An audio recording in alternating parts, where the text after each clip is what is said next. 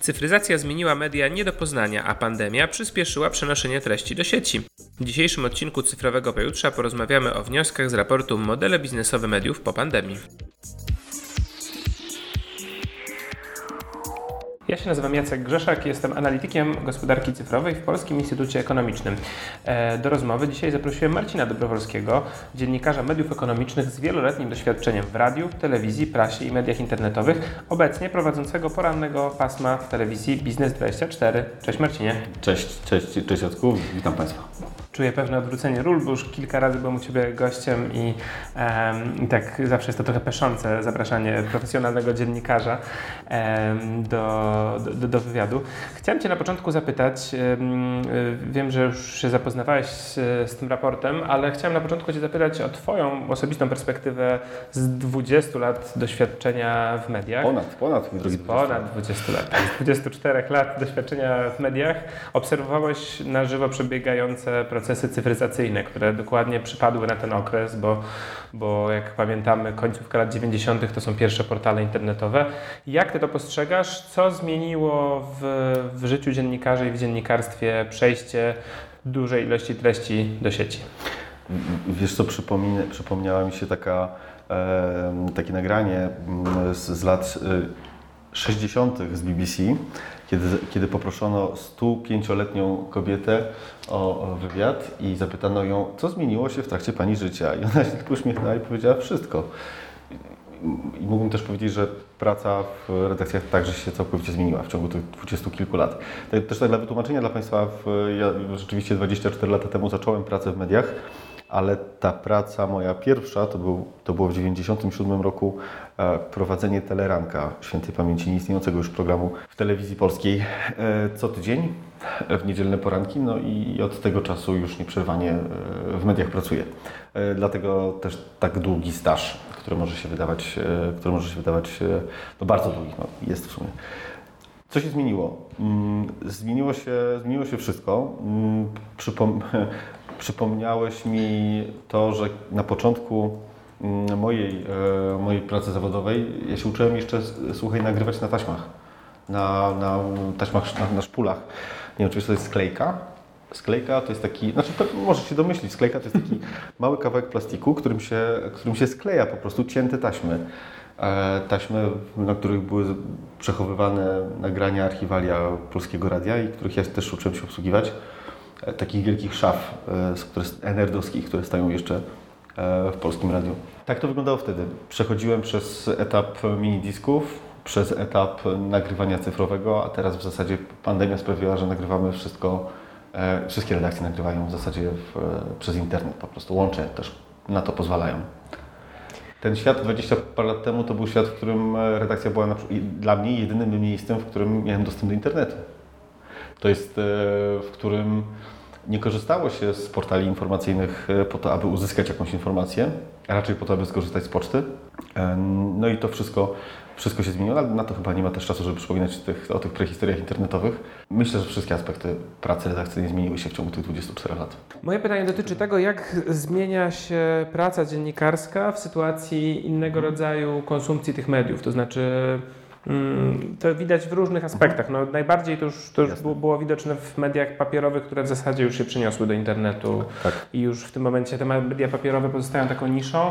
To zdaje się dziać teraz mhm. z telewizją i radiem, to znaczy z tym, że nie mamy już widza, który codziennie po godzinie którejś tam włącza telewizję, żeby pooglądać na swoim telewizorze, tylko przebiera z ilości Jasne. nagłówków w internecie, szuka tych treści. Tak.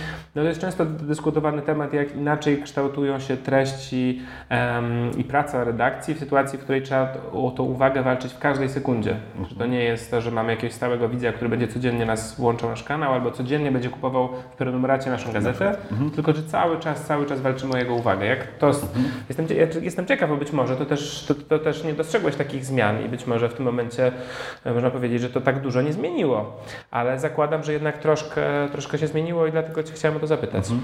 Patrząc na te zmiany z punktu widzenia mojego doświadczenia zawodowego, ono wyglądało tak, że najpierw to była telewizja polska, czyli ten teleranek bardzo dawno temu, to skończyło się w 2001 roku, później e, program trzeci Polskiego Radia, e, w 2009 roku e, Radio PIN, już nieistniejące, w 2013 Puls Biznesu, w 2017 roku portal Highcash o startupach, no i w 2000 20 mm, wreszcie Telewizja Biznes 24. Każdy z tych etapów jest inny i w każdy z tych etapów w momencie, w którym, e, w którym, w którym tam pracowałem, poszukiwaliśmy sposobu dotarcia do, do odbiorców, do widzów, czytelników czy słuchaczy. Cały czas starając się dopracować to, co tworzymy i prawdopodobnie nigdy nie doszliśmy do e, rezultatów, które by pozwalały nam stwierdzić, że robimy to dobrze, bo mm, nie, nie mam takiego poczucia, abyśmy kiedykolwiek e, mogli powiedzieć e, uczciwie sobie samym, że, mm, że złapaliśmy ten, e, odkryliśmy ten kamień filozoficzny dotarcia do, do naszych widzów czy czytelników. No to jest nieustanna po prostu uważność i czujność na tym, żeby, mm, żeby te treści tworzyć tak, jak sobie założymy i, i, i to realizować. Więc to się cały czas zmienia i w każdym z tych mediów się zmienia. Nie jestem w stanie Ci teraz powiedzieć. A co sądzisz o mediach społecznościowych? Czy to jest wsparcie czy zagrożenie? Bo tutaj jest bardzo intensywna debata międzynarodowa. Mamy sprawę Australii, Francji, e, podatków od linków, sporów między big techami a wydawcami. No i dwie strony przerzucają się takimi argumentami. Jedni mówią, czyli tam wydawcy mówią, że media społecznościowe po prostu żerują, przyszły żerują na treściach, które my tworzymy, a przychody z tego tytułu czerpią media społecznościowe. A z drugiej strony media społecznościowe mówią jest odwrotnie. Myśmy wymyślili genialny sposób na to, w jaki sposób ludzie mogą wymieniać się informacjami, a to wy żerujecie na nas, bo to wy bierzecie nasze tweety, posty, cokolwiek i piszecie na ten temat artykuły na swoich stronach, bo już wiecie, że tam się przeniósł ruch i tam się przeniosła uwaga. I czy z Twojej perspektywy media społecznościowe są bardziej wzmocnieniem możliwością szerszego dotarcia do ludzi, czy wręcz przeciwnie, taką konkurencją, która nie pozwala Ci robić tego, co robiłeś? Nie przekonuje mnie ta argumentacja mm, firm z tak zwanego worka big techów o tym, że to one e, są wykorzystywane przez tradycyjne media. Nie przekonuje mnie z tego względu, że gdyby, gdybyśmy mieli możliwość jakby sprawiedliwego, mm, sprawiedliwej partycypacji w, w, i uczciwego dystrybuowania tych mediów, to okej, okay, jakby tych, tych treści, to okej, okay. ale jeżeli masz E, ale jeżeli portale, portale społecznościowe ograniczają Ci zasięgi w sposób, e, którego nikt tak naprawdę jakby nie, nie, nie kuma do końca. Że, wiesz, co chwila masz, rozmawiając ze specjalistami od e, publikowania treści w mediach społecznościowych, dowiadujesz się, że co chwila zmieniane są te święte, tajemnicze algorytmy jednego czy drugiego portalu, których nie wiesz w jaki sposób i musisz cały czas kombinować, co zrobić, aby ten post, ten materiał, ten film, to nagranie czy ten tekst dotarł do szerszej liczby osób. Czy masz wrzucić link, czy masz wrzucić zdjęcie, link wrzucić do komentarza, to, jest szaleństwo i cały czas zmienne. Strasznie mnie to irytuje. E, I, mam wrażenie, że jednak pod tym względem e, te tradycyjne media są dużo bardziej prostsze, a myślę, że przez to również e, egalitarne. Czy myślisz, że tradycyjne media mogłyby się obejść teraz bez mediów społecznościowych? Myślę, że byłoby to trudne ze względu na model pracy. Ale mm, bez części mediów społecznościowych na pewno. Bo nie wszystkie media społecznościowe są, wiesz, akuratne do tego, aby na nich działać, tak?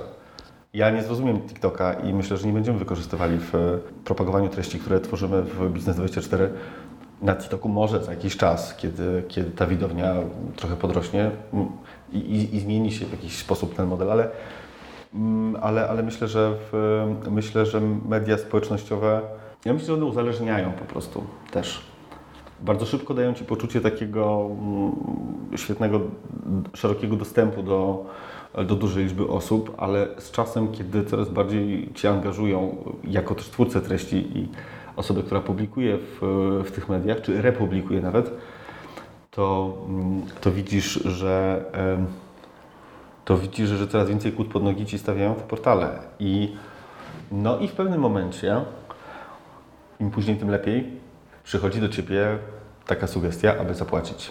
No a wtedy, jeżeli zapłacisz, no to wtedy już portal zachowuje się jak heroinista. To znaczy, on musi dostać od siebie kolejne dawki, e, dawki pieniędzy, aby móc, e, abyś miał poczucie, że na przyzwoitym poziomie propagowane są te treści, które tworzysz i które wrzucasz.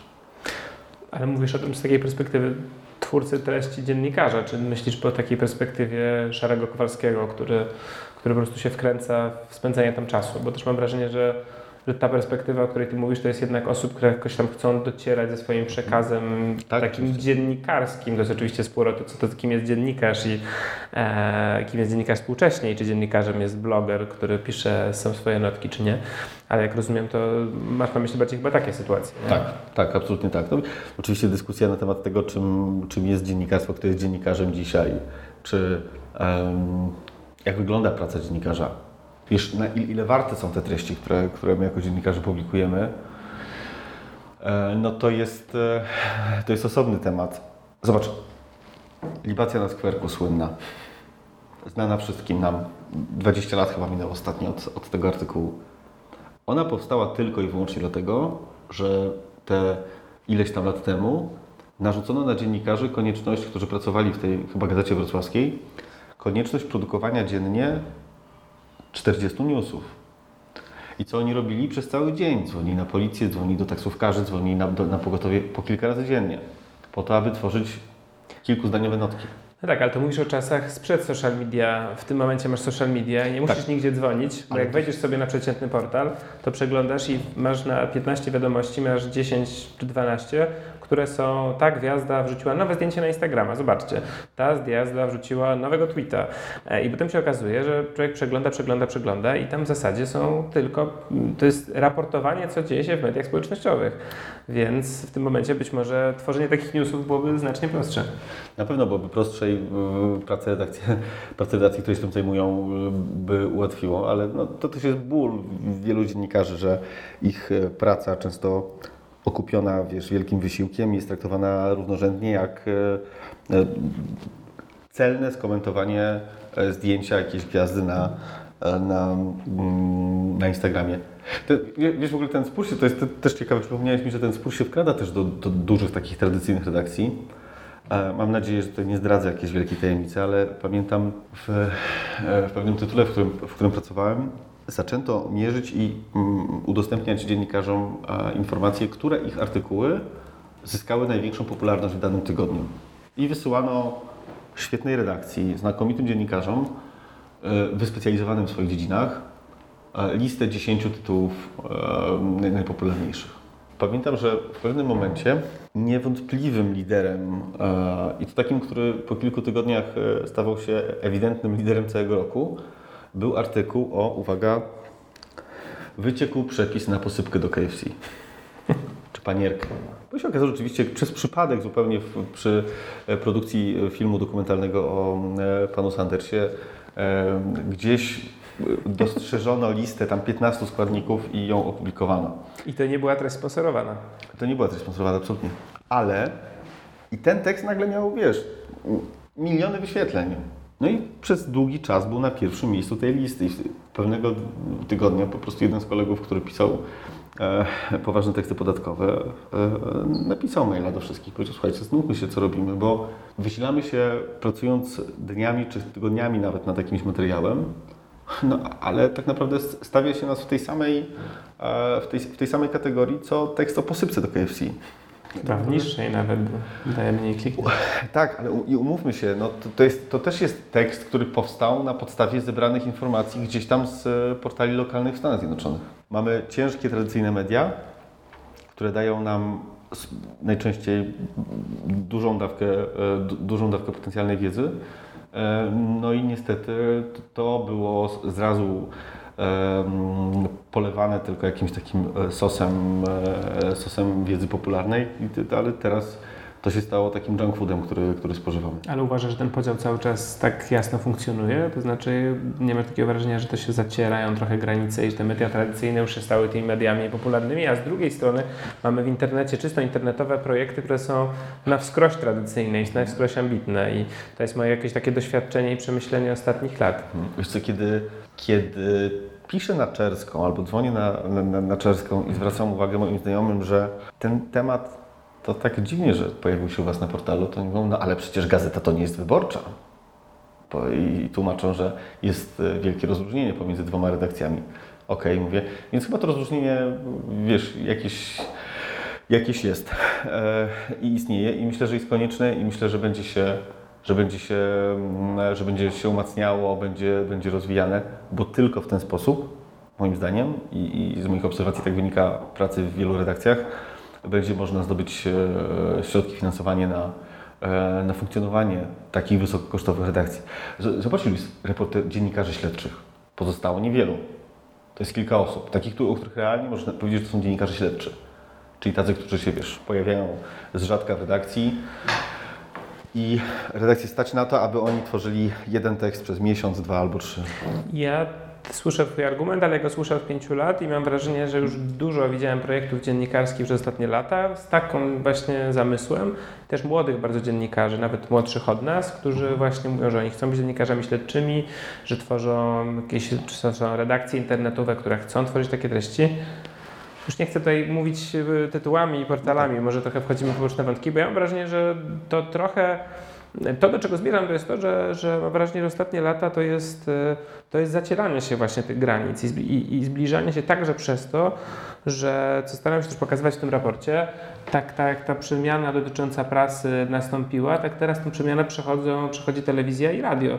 Mamy z jednej strony rozkwit podcastów, mamy nadawanie cyfrowe i i wrzucanie do, do sieci większości audycji radiowych. Mamy to, że można już mie mieć dostęp do prawie wszystkich treści z telewizji w wersji internetowej, a z drugiej strony jeżeli śledzę dosyć intensywnie to, co się dzieje w tym świecie technologicznym na świecie, to w Polsce jest cały czas e, trochę niedostrzegane, no ale telewizja staje się po prostu przedłużeniem komputera internetu i my nie zdajemy sobie czasem sprawy, że te nowe telewizory, które, które teraz kupujemy, to są, to są w zasadzie komputery, one są podłączone tak. do internetu, one są w stanie one są w stanie personalizować treści pod nas. Niekoniecznie jeszcze to może robią polskie telewizje, ale takie rzeczy się dzieją w Stanach to znaczy reklamy targetowane w telewizji. To jest coś, co się wydaje niewy, niewy, niewyobrażalne, bo wiele osób nie rozumie jeszcze reklam targetowanych w internecie, że jest coś takiego. Ale jak osoby niektóre rozumieją, to myślą, ok, to jest internet, w internecie mi coś tam dostarczą, ale potem jest telewizja, włączę jedynkę, czy dwójkę, czy cokolwiek i będę widział reklamy. No ale możliwe, że za rok, za dwa, za trzy, to już w tej telewizji też będą reklamy tych rzeczy, które przeglądałeś przed chwilą w komputerze, albo tych rzeczy, które oglądałeś w telewizji. I w tym sensie mam uczucie, że się zacierają albo się te granice. Albo rozmawiałeś e, trzymając telefon obok siebie. Tak, i, i, I, jeśli ta logika, e, wiesz, o której mówisz, ta logika tych 10 najpopularniejszych artykułów i tych panierek w KFC, ona też wchodzi do, będzie wchodziła pewnie do telewizji. Też w telewizji będą programy, które będzie się na bieżąco oglądało, że po tej minucie ludzie włączyli, potem włączyli, to się wyświetla. To, że to jest logika, która to wszystko, to wszystko obejmuje, ale to też, to też sprawia, że.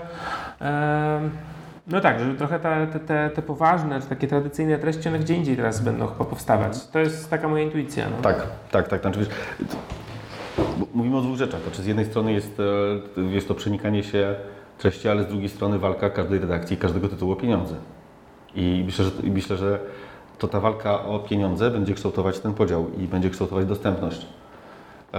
W Waszym e, raporcie, zresztą świetnym, polecam Państwu zapoznanie się z nim, znajdą Państwo tam informację, mm, jak 71% Polaków nie wie, czy nie rozumie, dlaczego miały płacić tak, za treści, które... 76 nawet. 6 nawet. No, dla mnie oczywiście to jest przerażające, bo to, jest, e, bo to oznacza, że bo to oznacza, że też moi odbiorcy, bo w jakiś sposób też możecie czuć, się czuć odpowiedzialny za to, nie czują, e, nie czują potrzeby płacenia za to, co ja im daję, co ja dla nich tworzę.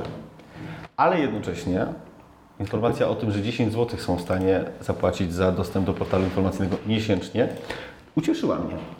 Bo... Nawet więcej, chciałem powiedzieć. 10 zł to była ta najczęstsza, ale jak spojrzysz na rozkład, tak. to moim zdaniem ta, ta ważniejsza liczba to jest 20, bo to powie, połowa osób powiedziała 20 lub więcej. Były osoby, które mówiły więcej nawet. I wiesz, co mnie ucieszyło ostatnio? E, sukces e, Patronite'a i tego rodzaju serwisów, bo to, że ludzie są w stanie... Ja sam płacę na kilka podcastów, które, e, które, które wspieram, i to daje mi dużą nadzieję na to, że być może ta forma będzie w stanie w przyszłości mm, może współfinansować jakieś mniejsze projekty, takie bardziej społeczno-obywatelskie dziennikarstwo. Ale to widzisz, bo my, myśmy mieli w środę, w środę, we wtorek była prezentacja raportu e, i Łukasz Lipiński, zastępca naczelnego polityki, zwrócił uwagę w dyskusji, że no, nas może tak to trochę przerażać, to, że tam, tam te, te liczby 76% nie widzi sensu, 84% uważa, że treści powinny być bezpłatne i kropka. Że to jest dużo. No ale z drugiej strony Łukasz Lipiński e, coś takiego mm, tam powiedział w komentarzu, że rynek mediów najlepszych, rynek gazet, tak, rynek gazet w najlepszych złotych czasach, no to były tam 3 miliony nakładów maksymalnie, więc my tu nie mówimy o docieraniu do 70, 40, nawet 50% społeczeństwa, tylko nawet do 10, 15, bo to co ja tam, to co wyszło z tego badania, które przeprowadzaliśmy, 11% osób deklaruje, że korzysta z płatnych serwisów informacyjnych. To może się wydawać mało, ale to jest bardzo dużo w porównaniu z tym, ile tych płatności jest rzeczywiście.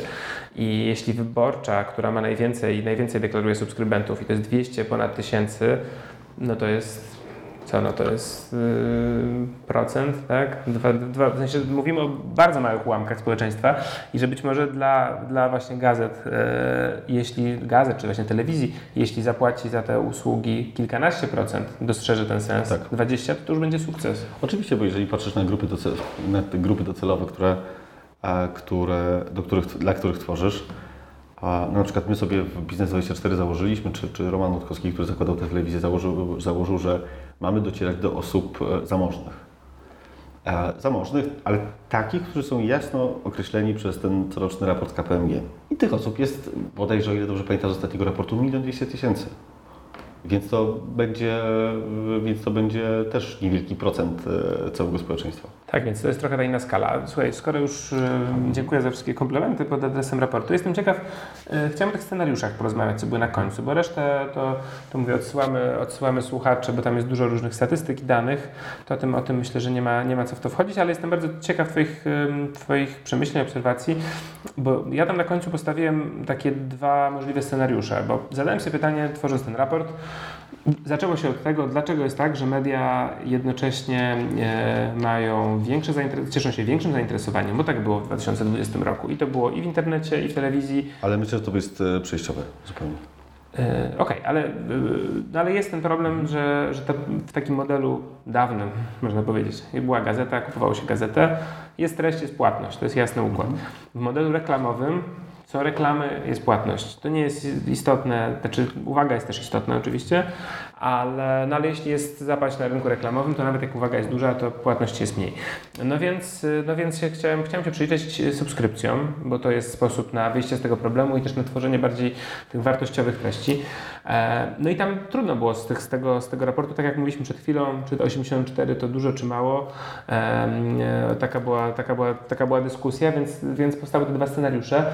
E, jestem ciekaw Twojego zdania, bo mówiliśmy dużo, dużo, dużo też trochę krytykowałeś w ten sposób współczesne funkcjonowania taki internetowy właśnie pod tą, pod tą przysłowiową posypkę do, do, do kurczaka tworzenia treści, które tu i teraz chwycą, nawet jak nie są wartościowe. Natomiast y, jestem ciekaw, czy dostrzegasz y, jakieś zagrożenia tego drugiego modelu, e, no bo to jest ten model darmowy, po prostu idziemy w darmowość, idziemy w reklamy, idziemy w tu, tu uwaga, tu i teraz. A drugi model to jest te, zamykamy wszystko w paywallach, płacimy za wszystko e, i za tymi paywallami zakładam, że dostajemy dobre treści. Ty widzisz, widzisz to jako taką idyllę e, i doskonałe rozwiązanie, czy widzisz zagrożenia z tym związane? Wydaje mi się, że świat mediów żyje wciąż z takim widokiem tego legendarnego Financial Times czy, czy New York Timesa, które, które jako pierwsze ogłosiły, że mogą się finansować z subskrypcji swoich, swoich czytelników. No i super, gratulacje wielkie dla nich. Ale nie wiem, czy po pierwsze nie jestem pewien, czy, czy taki poziom udałoby się uzyskać e, w, w naszym kraju, ale widzę coś innego, wiesz, widzę, mm, bardzo skraca się ten dystans między, między odbiorcą a mediami. Każdy może skomentować Twój tekst w internecie, każdy może e, napisać, e, co sądzi na jego temat, każdy go, że może go obśmiać i schejtować, także celowo i niezgodnie z prawdą nawet. A kiedy dołączymy do tego model, powiedzmy, subskrypcyjny albo jakiegoś także wspierania, to również niestety może mieć wpływ na treści przekazywane przez, przez to medium.